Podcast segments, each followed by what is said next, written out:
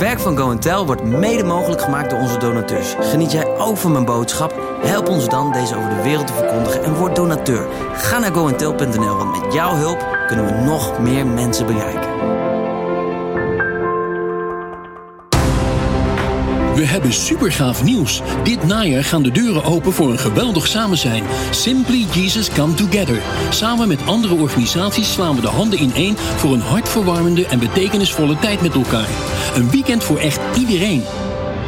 Volwassenen, tieners en kids. Save the dates 5, 6 en 7 november. Laat je naam en e-mailadres achter op simplyjesus.nl en ontvang als eerste de aanmeldlink met meer info. We zien er naar uit om met jullie stil te staan bij onze grote verbinder Jezus. 5, 6 en 7 november. Simply Jesus Come Together.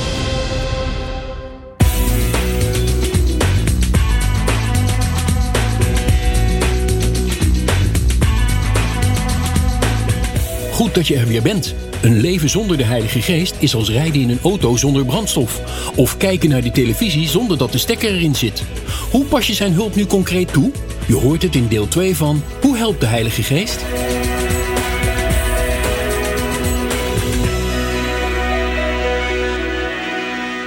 Richter 7 vers 2. Toen zei de Heer tegen Gideon, het leger dat je bij je hebt is te groot. En ik lever de Midianieten niet aan jullie uit, want ik wil niet dat Israël zich erop beroemt dat het zich op eigen kracht heeft bevrijd. De Heilige Geest die is er gevoelig voor. Als je het over wilt nemen. Het is een gentleman. Dan zegt hij, oké, okay, wil je het zelf doen? En God die zei, ik deel mijn eer niet met jou. Ik wil dat je realiseert dat ik het was die je geholpen heeft. En dat kennen we ook, hè? Niet door kracht, nog door geweld, maar door mijn geest, zegt de Heer. Er is altijd een element waarin God moet doen wat hij alleen maar doen kan. En ik vind dat heel mooi, ook met name de samenkomst in het buitenland.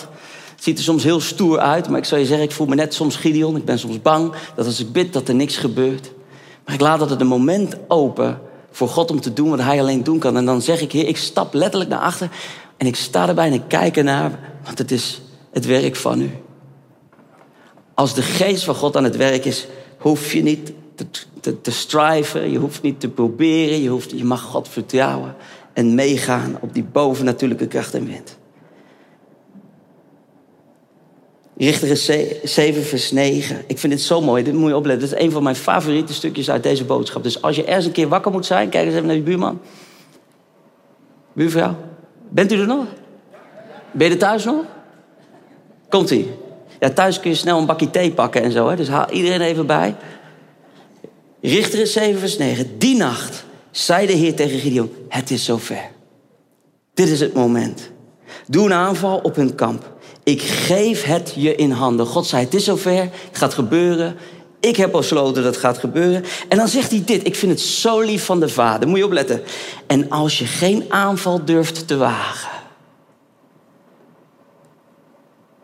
Ik denk dat God hem kende. God had zijn onzekerheid gezien. De eindeloze bevestigingen.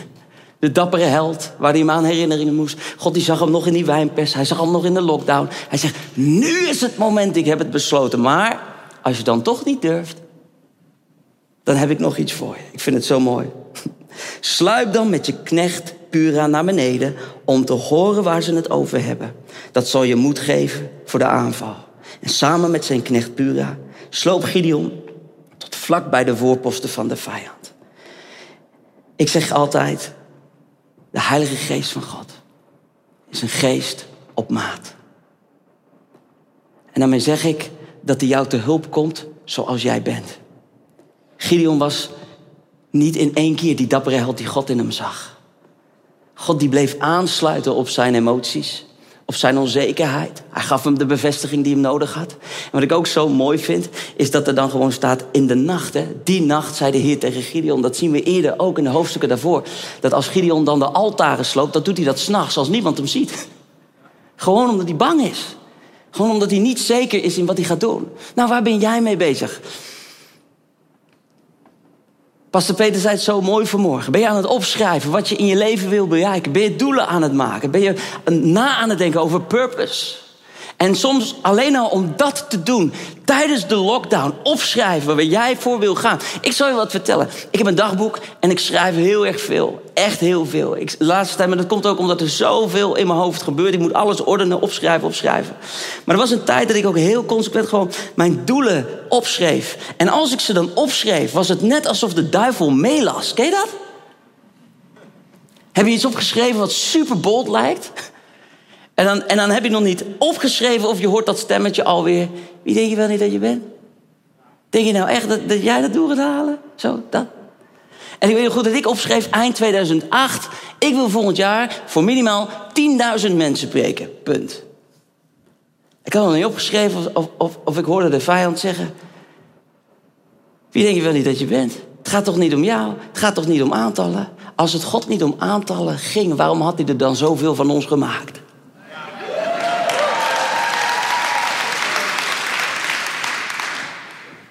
Mijn mentor zei altijd: wij, we count people because people count.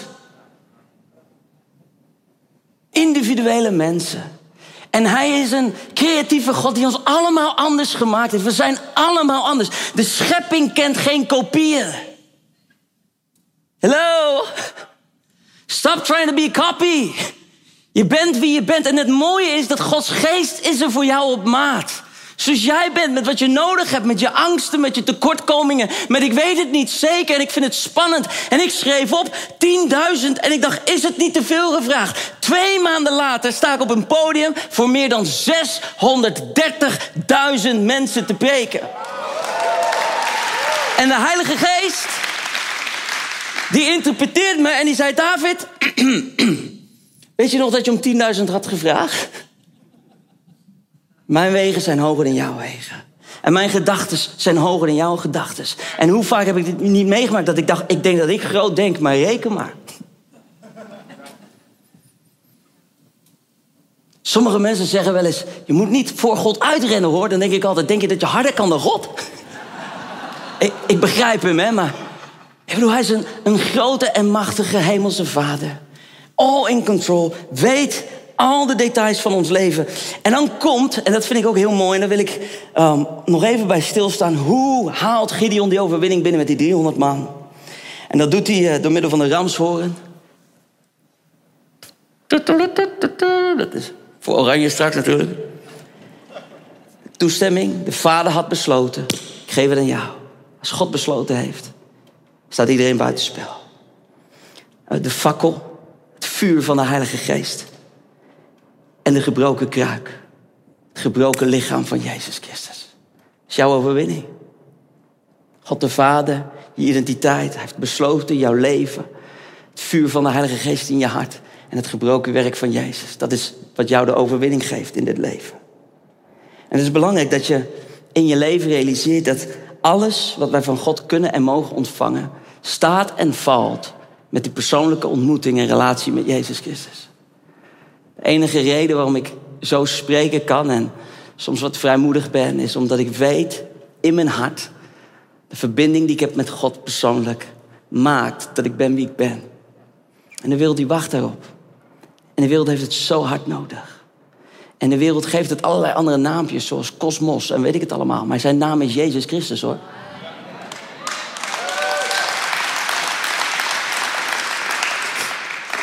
Ik zit soms, soms wel eens frustrerend te kijken naar tv en dan worden er allerlei dingen gezegd en dan zeg ik, noem hem bij zijn naam.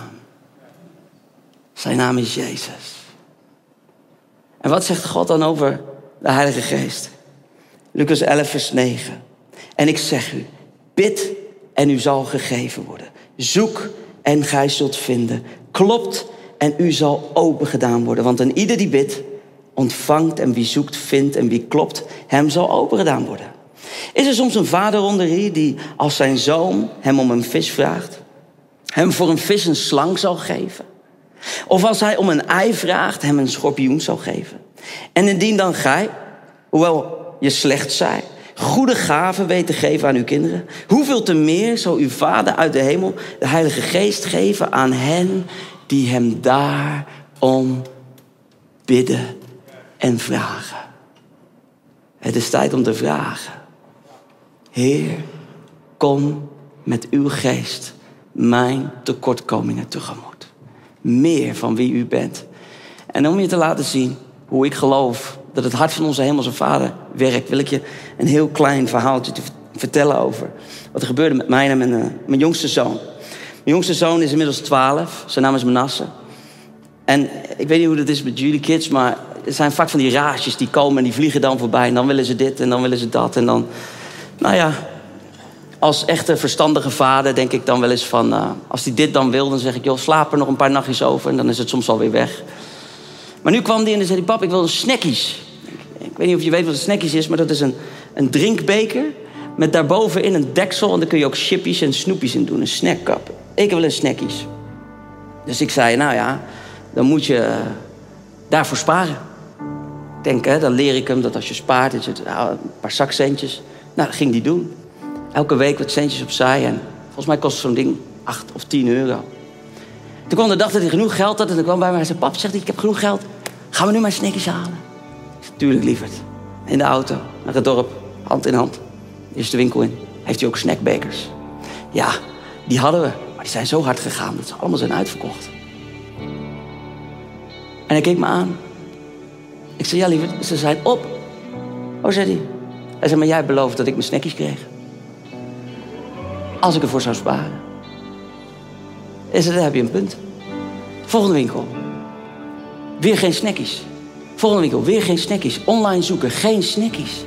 Maar ik had het beloofd. En ik zei tegen hem, ik zeg, lieverd, ik zeg, ze zijn overal uitverkocht. Ik kan er nergens aan komen. Toen keek hij me aan, hij zei, ja maar pap, jij hebt mij beloofd dat als ik spaar, dat ik mijn snackies krijg. Dat is alles wat hij zei.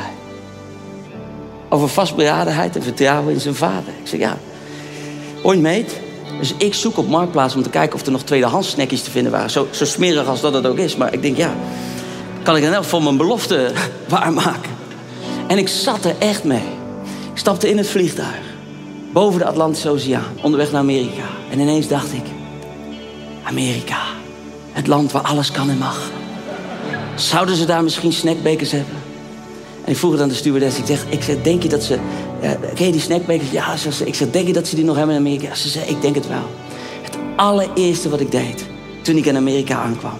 was naar de winkel toe rennen om te kijken of ik de snackbeker vinden kon. En ik vond hem. En weet je, ik kocht er twee in plaats van één... want een echte goede vader overlaat zijn kinderen met zegen. ik berichtte het, stuurde het naar huis. Ik zei, lieverd, ik zeg, papa heeft je snackies. Ik kwam terug En ik denk dat ik hem zijn geld ook nog heb laten houden.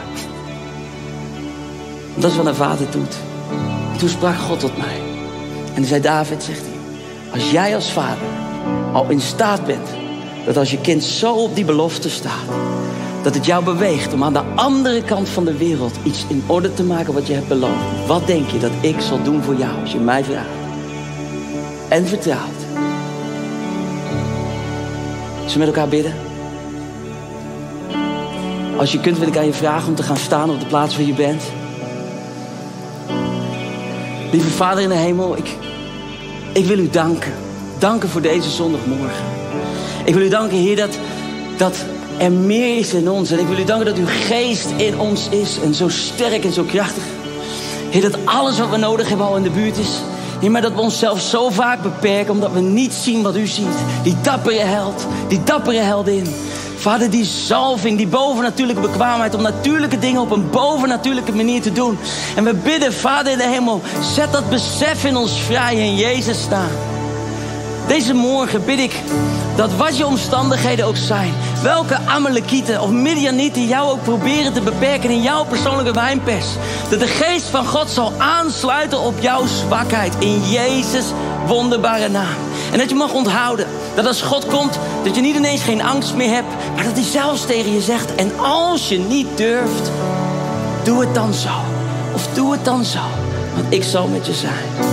Lieve Vader in de hemel, ik wil bidden. Dat iedereen die, die kijkt via de livestream en zich beseft: hé, hey, maar misschien ben ik nog geen kind van God. U heeft gezegd in uw woord: alle die de naam van de Heer aanroepen, zullen worden behouden. Fluister die naam van Jezus Christus. En open je handen en zeg: Heer, ik heb meer van u nodig. Meer van uw geest. Maak mij daarvan bewust dat ik meer van u mag ontvangen. In Jezus' naam.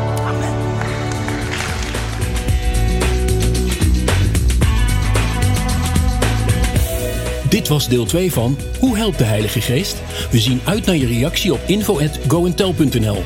De nieuwste blogs, video's en overdenkingen vind je nu ook in de Simply Jesus app. Download hem vandaag nog in de App Store of op Google Play. Blijf zo op de hoogte en laat je inspireren.